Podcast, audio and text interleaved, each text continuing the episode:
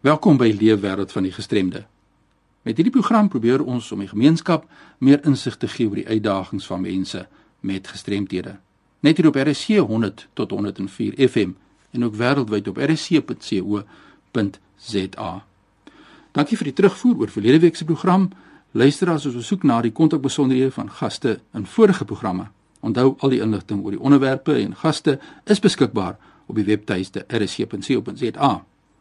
Terina Wenzel se telefoonnommer is 083 255 6854. 083 255 6854 slegs SMS asseblief. En ons gesprek het gehandel oor die uitdagings van kinders met gestremthede. Maar vandag vertel Veronica January vir ons wat met haar gebeur het. Welkom by RC Veronica. Baie dankie Fanny. Dis lekker om jou te hê. Vertel ons Jy het 'n motorongeluk was jy betrokke, maar vertel ons eers wat het jy gedoen voor die motorongeluk? Van die voor die ongeluk was ek aktief, jonk, baie lief vir dans, baie lief vir loop. Ek het gewerk in Atlantis by hotel. Daai jare dat Atlantis mos net begin. Die nuwe firmas het begin, mense het begin belê in Atlantis. Dit was mooi, dit was wonderlik. En ek het baie lekker gewerk, ek moet nogal vir jou sê. Ja. Vreeslik lekker. Die tye was lekker en die mense was lekker en die lewe was vinnig en lekker. En jy weet mos as jy jonk is, jy dink mos nooit iets gaan gebeur nie.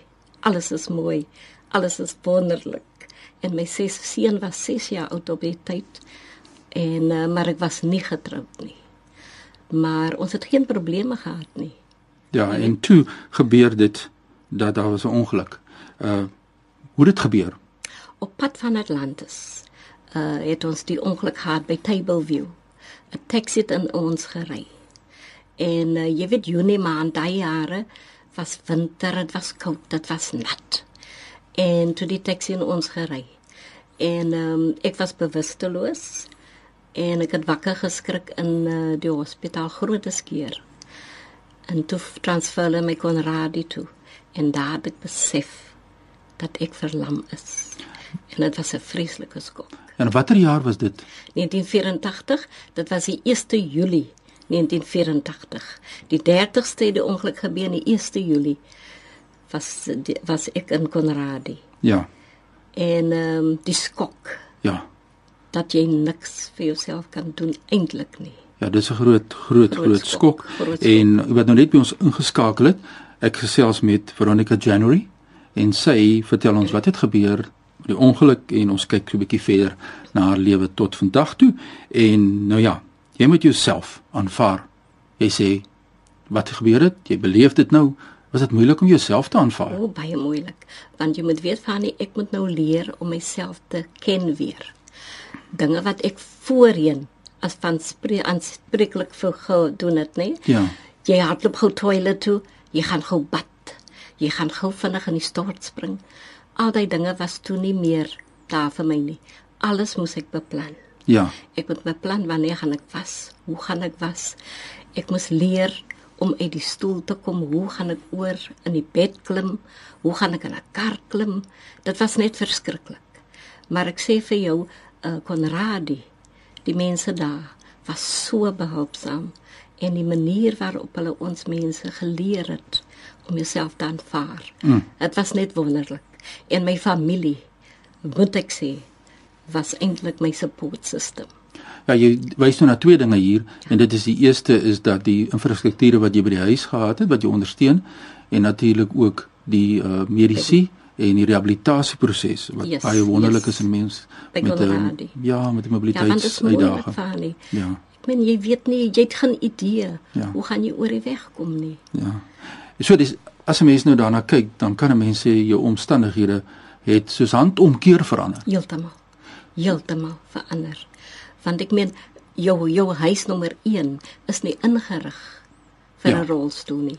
So baie dinge moet verander word. Ja. En nommer 1 die ongeluksaak het ek verloor. Ja, ons gaan bietjie so, net toe daarby kom. Okay. Wat ek meer wil uitvind is uh die aanvaarding van jouself en nou die aanvaarding van jou omstandighede soos jy nou vir ons verduidelik het. Maar dan ook gaan jy uit buite toe. En nou dis die publiek Nou vir baie mense is hier nou 'n ander mens, is dit Yes, nie so nie? yes. Maar jy's nog eintlik dieselfde mens. Ek wou nie uitgaan nie. Ek was skaam om uit te gaan. En uh my social worker het altyd vir my gesê Veronica, jy moet uitkom. Ja. Maar soos ek jou sê, was ek baie bang. Ek was Ja. baie nervous. Want as die mense my vra wat het gebeur, dan kan ek nie praat nie, ek huil. Ja. Want dit is verskriklik vir my gewees. Maar my social worker het my so gedring, gedrul eintlik om te gaan dat ek later aan besef het hoe gouer ek mense face, Ja. hoe makliker gaan ek myself kan hanteer. Hoe beter is dit vir jouself? Beter gaan dit vir myself wees. So weer eens die rehabilitasieproses is van kardinale belang Yes. en Yes. so ja, kom ons gee dan krediet aan al die professionele mense wat Presies, soveel doen presies. om mense wat dan nou verlies Presies, ervaar ja. te ondersteun. Uh, Wat was die publiek se onmiddellike reaksie as jy jou gesien het? Hulle staar. Hulle staar gewoonlik aan jou. En ek het geleer om mense te kan hanteer. Eers het ek kwaad geraak as mense my aanstaar, maar later aan toe besef ek nee man, om de, ek moet dit makliker vir hulle maak Mm. om my te kan om met my te kan praat. Ja. Jy weet die publiek is nie bewus van gestremdheid nie. Ja. En vir ons presies soos ek ook. Ek was ook so. As jy mense sien in 'n rolstoel, dan kyk jy. Is normaal om te kyk. So ek het besef, ek moet dit makliker vir die volgende persoon maak om met my te kan praat. En dit het so maklik gegaan. Want mense is eintlik baie gaaf oor die algemeen.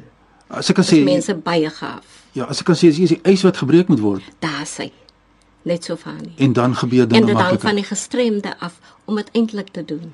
Maar jy het gesê jy het gewerk Yes. en jy het nog steeds 'n begeerte gehad om daarna Om weer te terug te gaan Om werk. weer te werk. Nou jy's Ja. nou deur die rehabilitasieproses, En toe moes ek nou werk soek. Nou moet jy werk soek en wat was die uitdagings daar? Baie moeilik. Want as mense sien jy's in 'n rolstoel, dan dink hulle jy's mentally challenged. Hulle dink jy kan nie dink vir jouself nie. En ek moes myself bewys. Ek moes kursusse loop. Ek het die geld gehad, maar ek moes dit doen want ek wil werk. En ek moes mense my dienste gratis aanbied vir firmas. As iemand op verlof is, dan bel hulle my, dan vra hulle kan ek instaan. Ek het dit gedoen. Ek het vir verskillende companies ingestaan vir mense sonder betaling. Maar dit het my nie geplan nie want ek wou myself bewys en ek wou dit op my CV stel sodat mense nie later kan sê nee maar as fout met jou, ek kan jou nie permanent aanstel nie. Ja. En dit het my gehelp. En toe kry ek 'n permanente werk. Toe het ek nog 'n probleem. Ek moet by die werk kom. Hoe kom ek by die werk? Daar's nie vervoer nie. Publieke vervoer is glad nie geskik vir gestremdes nie. Maar hoekom is die toeganklike vervoer wat daar in Suid-Afrika is of hier in Kaapstad en Weskaap omgewing? Hoekom is dit nie toeganklik? Hoekom is dit nie beskikbaar nie? Nou dit is die vraag wat ek gevra het en ek het toe uitgekom by Dialerite. Ja. Dialerite is eintlik vir gestremdes. Maar daar is 6000 mense op hulle lys en hulle het 27 wekels. Dis onmoontlik vir hulle om al daai mense te diens. Maar ek het geskryf en ek wag nou nog vir 'n antwoord. Ek het verskillende mense genader. Maar ons kyk en wag en kyk wat gebeur. So ons het 'n situasie waar die rehabilitasieprosesse Yes. baie goed op dreef is, Yes, maar nou moet jy by die werk kom. dit is die probleem. So aan die een kant het ons die wetgewing Yes. wat vir ons die Yes. deure oopmaak, die wet op Ja. gelyke indiensneming, maar as jy nie kan kom by die werk nie, dan is dit 'n ander situasie. Ja, want ek sê die, die regering, hulle vra firmas om mense in in diens te neem wat gestremd is, nê? Maar hulle vergeet, jy moet by die werk uitkom. Ja. So kom jy by die werk? So mobiliteit is dan eintlik 'n basiese probleem. 'n groot probleem, 'n groot probleem. Jy kan nie 'n taxi neem nie. Jy kan nie in die trein klim nie. Daar's so baie probleme vir gestremdes. Ja, dis lekker om te gesels oor hierdie saak wat mense so na in die hart tree. Dit uh, maak nou nie saak waar u jouself bevind vanmiddag nie. Maar kom ons kyk bietjie objektief na die impak van iemand wat aan deur hierdie trauma gaan en dan die uitdagings daagliks moet aanpak. As ons nou kan bietjie wegstap van die werksituasie, jy's een van die gelukkige persone as ek dit so kan stel wat in die Yes. oop arbeidsmark funksioneer. Is trots op jou. Maar uh, kom ons kyk na jou versorging. Daar's ook mediese uitdagings wat mense nie altyd maklik oor praat nie. Mense fluister agter die bakkant. Kom ons kap 'n bietjie daar, bietjie dieper. Wat sê jy vir ons oor medikasie? Fanny, ek is op 'n kateter. Ja. Nee? Omdat die toilette nie altyd toeganklik is nie. Soos beter om op 'n kateter te wees. Maar nou moet ek my voorrade by die daghospitaal kry. Ja. Jy moet twee kateters gee hulle Ja. vir jou, twee leg bags, twee urine bags. Maar elke keer as jy gaan eenmal 'n maand, kry jy dit. Maar hierdie gehalte van die goed is so swak dat as jy die een aansit, nê, dan vind jy uit die ding lek. Nou sou jy hele broekspyp nat. Nou moet jy weer was, weer aantrek en 'n ander een aansit. Daai het jy nie meer nie. En dan elke keer moet jy gaan daghospitaal sê hulle net hulle het nie. Ek het al briewe geskryf na die hospitaal, na die verskaffer, na die vervaardiger, maar ek kry net geen reaksie nie. Nou ja, hier is 'n debat op sy eie.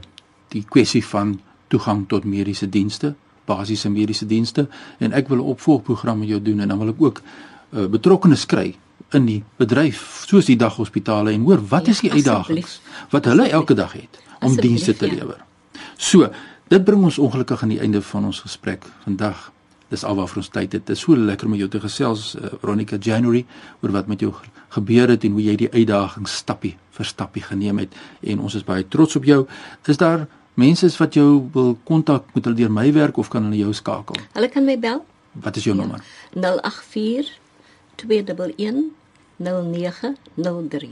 Herhaal vir ons daai nommer. 084 211 0903. Nou ja, dit is die kontakbesonderhede van Veronica January en ons het nou geluister wat haar leefwêreld behels en die uitdagings en ek gaan later in hierdie jaar gaan ek 'n program doen oor die beskikbaarheid van basiese uh, dienste vir mense met gestremthede, maar dit vir 'n volgende keer. Indien jy 'n storie het om te vertel, voorstel het om te maak, stuur sommer nou 'n e-pos aan my by fani.dt@mweb.co.za of volg my op Twitter by Fani Dreams. Veronica, was lekker om jou te gesels. Baie dankie. Baie dankie Fanny. Onthou net die program word ook woensdaeoggende op 3:15 dan herhaal. Groetnisse uit Kaapstad.